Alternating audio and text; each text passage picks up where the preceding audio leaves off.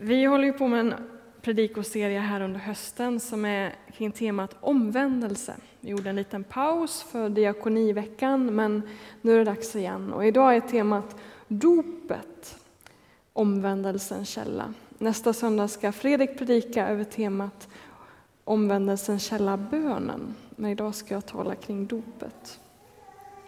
Vi fick ju vara med och bevittna dop här förra söndagen. Jag vet inte om du var med när Tre unga tjejer klev ner här i dopgraven och fick ett nytt liv, för det är vår tro att dopet innebär just det. I den kristna trosbekännelsen så säger vi Jag bekänner ett enda dop till syndernas förlåtelse och förväntar de dödas uppståndelse och den tillkommande världens liv. Vi som kyrka tror att man bara kan döpa sig en enda gång. Vi tror på ett enda dop. Men det dopet tror vi får återverkningar på hela vårt liv, resten av vårt liv påverkas av detta enda dop. Och det ska jag predika om idag. Och det blir lite av ett minibibelstudie. Om du kände att ah, jag hängde inte riktigt med där och jag förstod inte riktigt det där så är du välkommen tillbaka den 13 oktober. Eh, då bibelstudiet kommer att vara lite längre, men kring samma tema. Det är ju så att vi har bibelstudie här numera en gång i månaden. Så håll utkik i programmet. Men eh, jag tänkte att vi kastar oss rakt in i Romarbrevet kapitel 6 och börjar läsa där. Eh, så ska jag lägga ut några verser där. På, på vilket sätt har dopet betydelse för vårt liv här och nu? Och du som inte är döpt får vara med och tjuvlyssna där och försöka se vad, vad innebär dopet för någonting. Så här står det i Romarbrevet 6, kapit- vers 3-4. Vet ni då inte att alla vi som har döpts in i Kristus Jesus också har blivit döpta in i hans död? Genom dopet har vi alltså dött och blivit begravda med honom för att vi ska leva i ett nytt liv, så som Kristus uppväcktes från de döda genom Faderns härlighet. Den texten kan ligga kvar där. Alltså den där dopgraven som vi har här, den blir genom tron till Kristi grav. Det är vad den här texten säger. Det är inte Kristi grav, det symboliserar inte Kristi grav, men det blir genom tron Kristi grav i, ett, i en dopakt. Och när man frivilligt väljer att stiga ner i den här graven, Kristi grav, då händer det någonting genom tron. Man dör liksom bort från sitt gamla liv. Man går frivilligt ner i en gravkammare.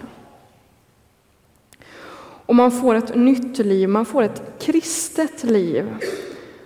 Och det får man genom att man går ner i Kristi grav och blir förenad med Kristus och man blir därmed kristen. Och det här sker genom, genom, genom tron. Paulus utbrister vid ett ställe i Korinthierbrevet, vet ni inte att era lemmar är Kristi lemmar? Alltså vet ni inte att ni har blivit förenade med Kristus genom dopet? Vet ni inte att Kristus bor här i? Ni har ju dött bort från ert gamla liv och fått ett nytt när ni steg ner i den gropgraven. Dopet är alltså en trosakt. Det är ingen magi. Utan genom tron, genom att med sin kropp gå ner i dopgraven så dör man bort från sitt gamla liv och får ett nytt. Man blir upprest till ett nytt liv.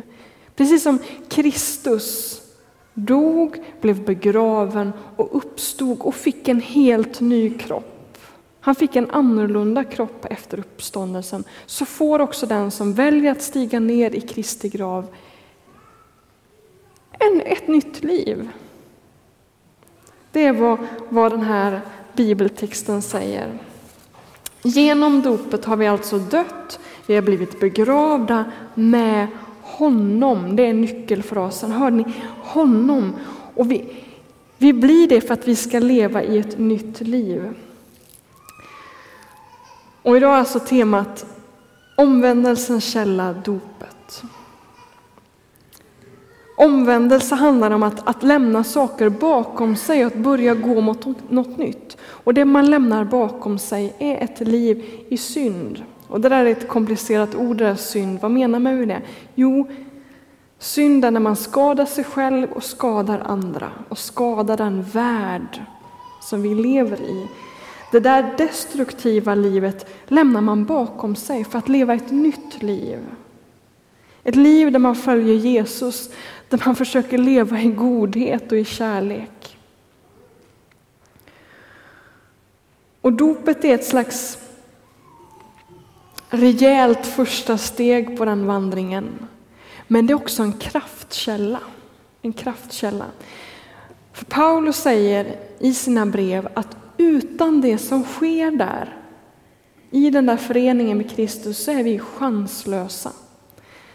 Synden har vi ofta beskrivit som en slags gärning, någonting man gör, man handlar, man dödar någon eller man stjäl eller man gör någonting. Men synden beskrivs också av Paulus som en kraft.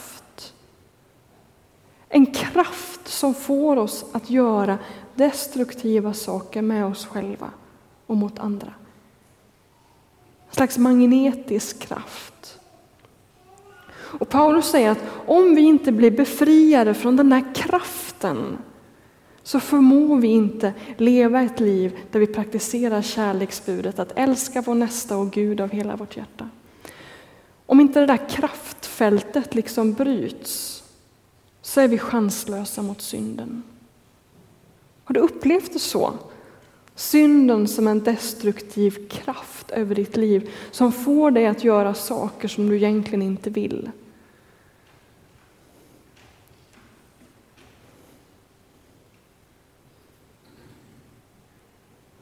När man lever i ett, en typ av missbruk blir ju det väldigt tydligt. Alltså det är en kraft. Paulus utbrister just det i Romarbrevet 7. Alltså det goda som jag vill, det gör jag inte. Men det onda som jag inte vill, det gör jag. Alltså när, jag har inte befälet över min egen kropp. Men om ni känner igen det bibelordet. Det goda som jag vill, det gör jag inte. Men det onda som jag inte vill, det gör jag. Lutheraner brukar säga att det där, det där beskriver vår tillvaro här och nu som kristna. Men en del bibelforskare säger na.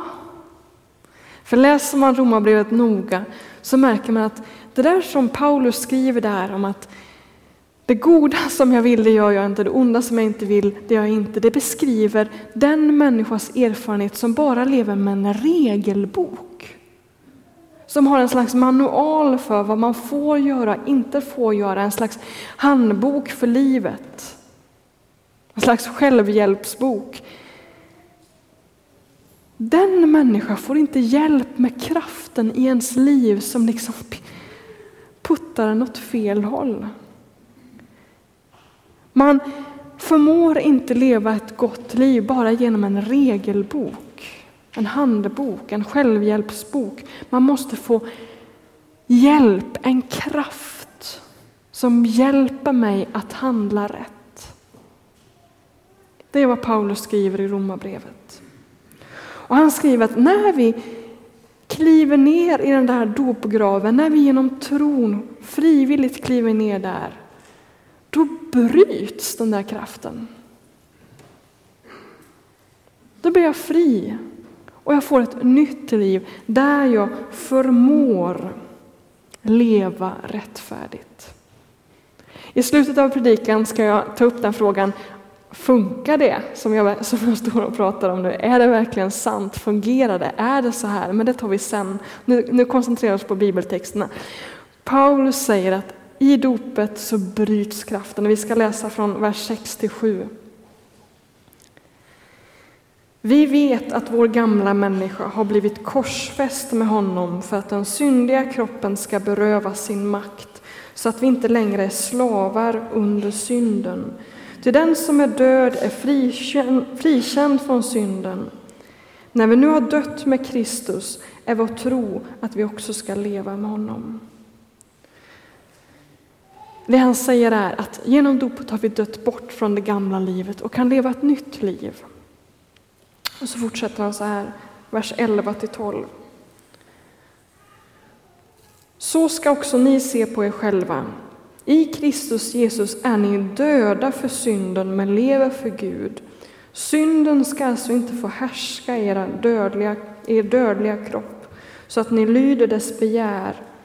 Låt inte synden bruka era lemmar som redskap för orättfärdigheten, utan låt Gud bruka er, ni som ju återvänt till livet från döden. Låt honom använda era lemmar som redskap för rättfärdigheten.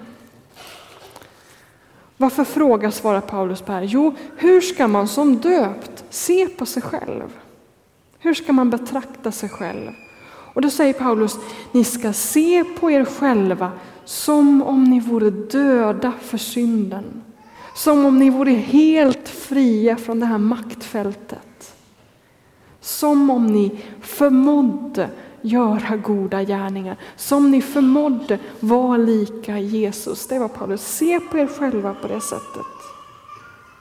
Man ska inte se sig själv på det sättet som han utbrister i Romarbrevet 7. Alltså det, det goda som jag vill, det gör jag inte och det, det som jag inte vill, det gör jag. Så ska ni inte se på er själva, utan ni ska se på er själva som om ni förmådde göra gott. Låt Gud bruka er, säger Paulus. Låt Gud använda era kroppar så att ni kan göra rättfärdiga gärningar. Ni är ju Kristi lemmar, ni har ju blivit förenad med Kristus i dopet. Låt Gud bruka er. Det är därför vi inte döper spädbarn i den här församlingen. Vi döper bara de som medvetet tagit ett självständigt beslut. Och det är för att vi tror att när man kliver ner i den dopgraven så dör man bort från det gamla livet. Från det liv där man är slav under synden till att bli slav under Gud. Man blir förenade med Kristus och måste därmed gå Kristi vägar. Man måste följa Jesus.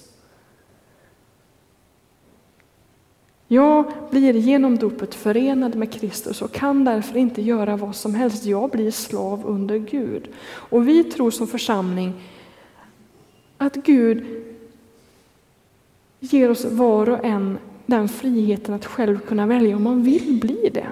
Om man vill bli en Jesu lärjunge, om man vill bli Guds slav, för att uttrycka det väldigt starkt. Vi anser att man själv ska få välja det. Om man vill dö bort från sitt gamla liv och få ett nytt där man blir förenad med Kristus och blir Kristi slav. Men det betyder inte att vi inte tar emot medlemmar i den här församlingen som är barndöpta, som är döpta som spädbarn. Vi, vi vill visa respekt för andra trosinriktningar, men vi vill leva utifrån den här baptistiska principen. För om vi som församling, ni som är medlemmar här i den här församlingen, om ni frivilligt gått ner här i dopgraven, blivit uppresta till ett nytt liv, betyder ju att ni bestämmer inte över er själva längre. Det är Kristus som bestämmer över er och vi ska tillsammans vara med och hjälpa varandra att leva det livet. Därför står det i vår församlingsledning att, att om du vill bli medlem i den här församlingen så måste du tillåta att andra bryr sig och säger så, så där kan du inte göra. Så där kan du inte bete dig. Ja, men det där jobbet kan du inte ha som kristen. Varför då? Jo, för att vi tror att vi har blivit förenade med Kristus och då kan man inte bete sig hur som helst. Därför så, så försöker vi hjälpa varandra att just säga det. Låt Gud bruka dig. Du har ju blivit Kristi slav. Låt Gud använda dig. Du har ju blivit förenade med Kristus i dopet. Då kan du inte bete dig på det här sättet. Det är liksom en grundprincip i vår församling som baptistförsamling. Vi tror på det frivilliga valet, att man beslutar sig för att följa Kristus i dopet. Så här står det i Romarbrevet 6 kapitel 16 till 17 säga, vers 16 till 17. Ni vet ju om ni vet ju att om ni gör er till slavar under någon och lyder honom, då är ni slavar under den ni lyder, antingen under synden, vilket för till döden, eller under den lydnad som för till rättfärdigheten.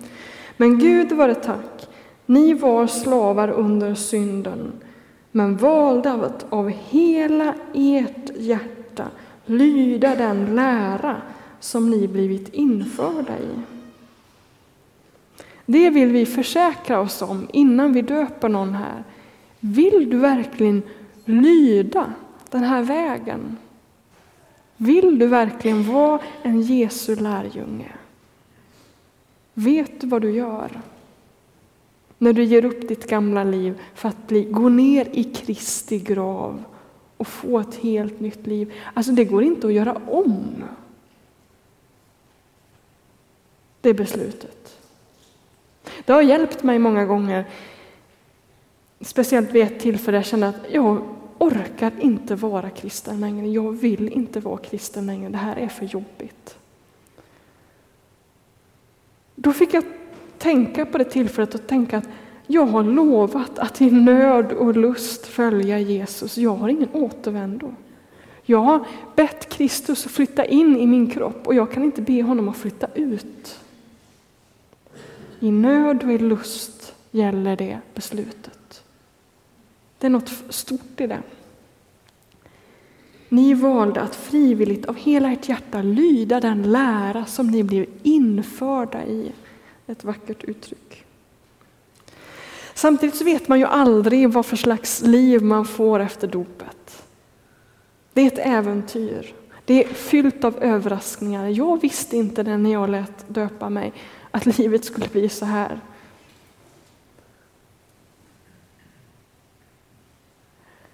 Men i dopet så är det en slags akt av tillit. Jag väljer att liksom säga att jag litar på dig Jesus, att du för mig på rätta vägar. Jag litar på dig, att du vill mitt bästa, att du inte är elak.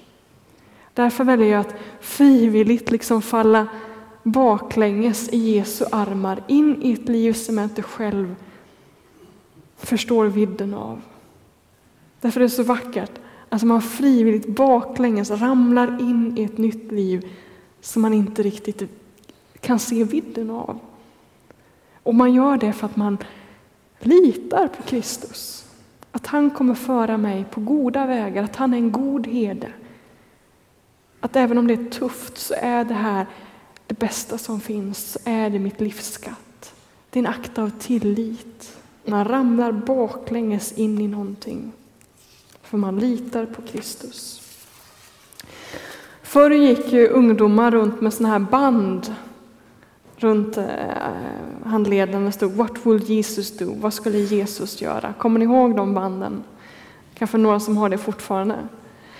Eh, vad skulle Jesus göra i den här situationen? Någon slags hjälp att leva i efterföljelse. Men Alltså det som Paulus uttrycker här är ju att det du gör, det gör Kristus. Du är förenad med Kristus. Om du handlar på Ikea, då är Jesus också där och handlar på Ikea. Om du flyger flygplan, då är också Jesus i det där flygplanet. Därför säger han, ni kan gå hem och titta på det sen, första Korinthierbrevet 6, tror vers 15. Vet ni inte att era kroppar är Kristi, lemmar. Vet ni inte att Kristus bor i er? Därför kan du inte ta din kropp och förena den med en skökas lemmar, skriver han där. Där handlar det om otukt. Alltså, du får inte göra vad som helst med din kropp, för Jesus bor i den kroppen. Ni har blivit förenade med Kristus. Därför bete er inte hur som helst. Tänk på att det är Kristus som lever i dig. Därför får hela tiden frågan bli när man står inför stor, svåra moraliska beslut. Kan, kan Kristus göra det här? Kan Kristus ha det här jobbet? Kan Kristus handla den här saken i den här butiken? Kan Kristus äga den här bostaden? Som döpt måste du hela tiden reflektera över den frågan. Kan Kristus göra det här?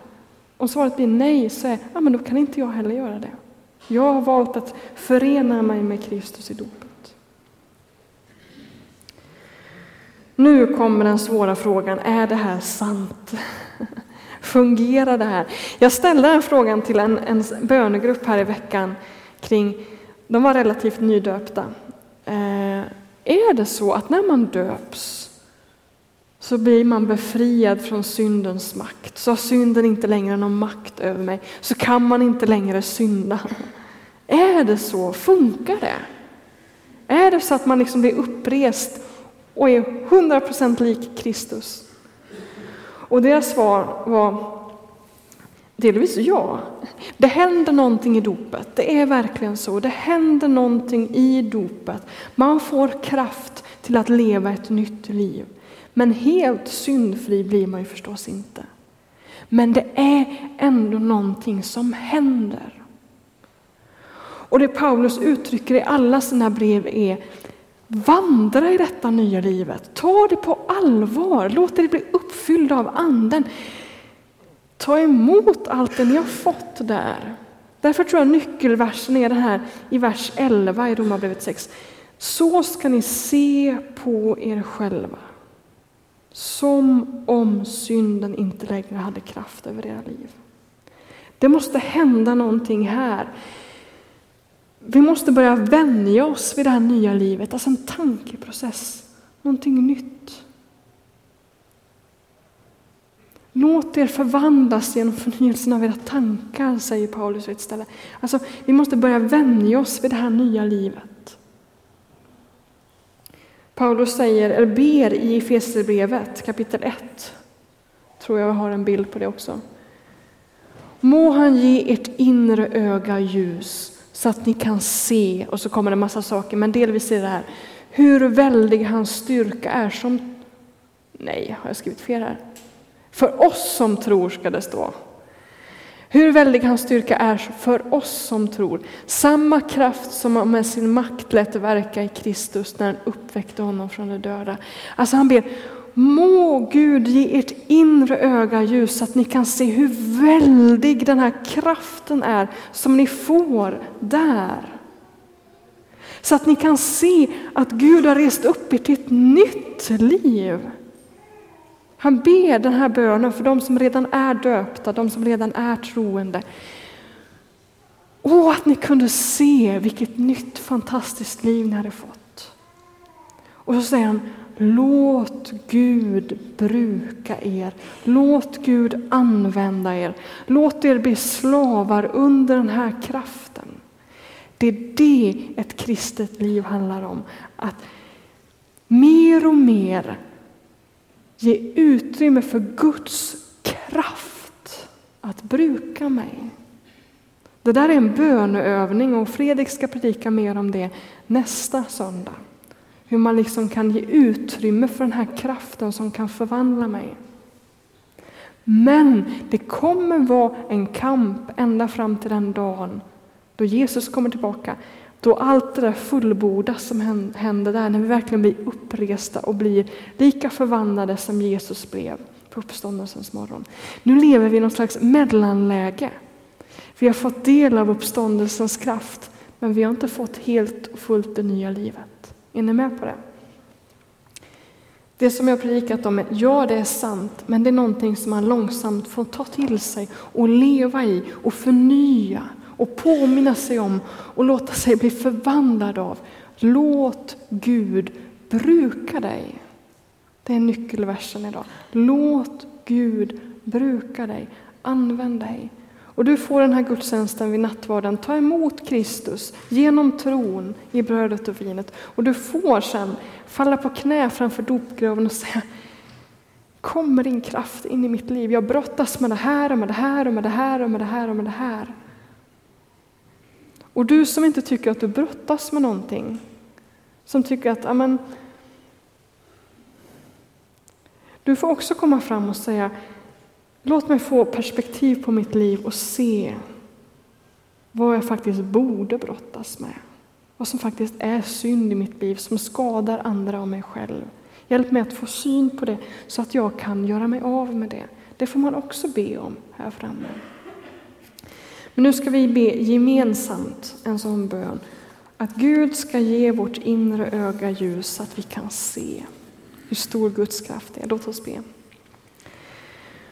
Fader i himlen, jag tackar dig för detta stora, att du har liksom öppnat Kristi grav för oss och vi får stiga ner där och vi får bli uppresta till ett nytt liv.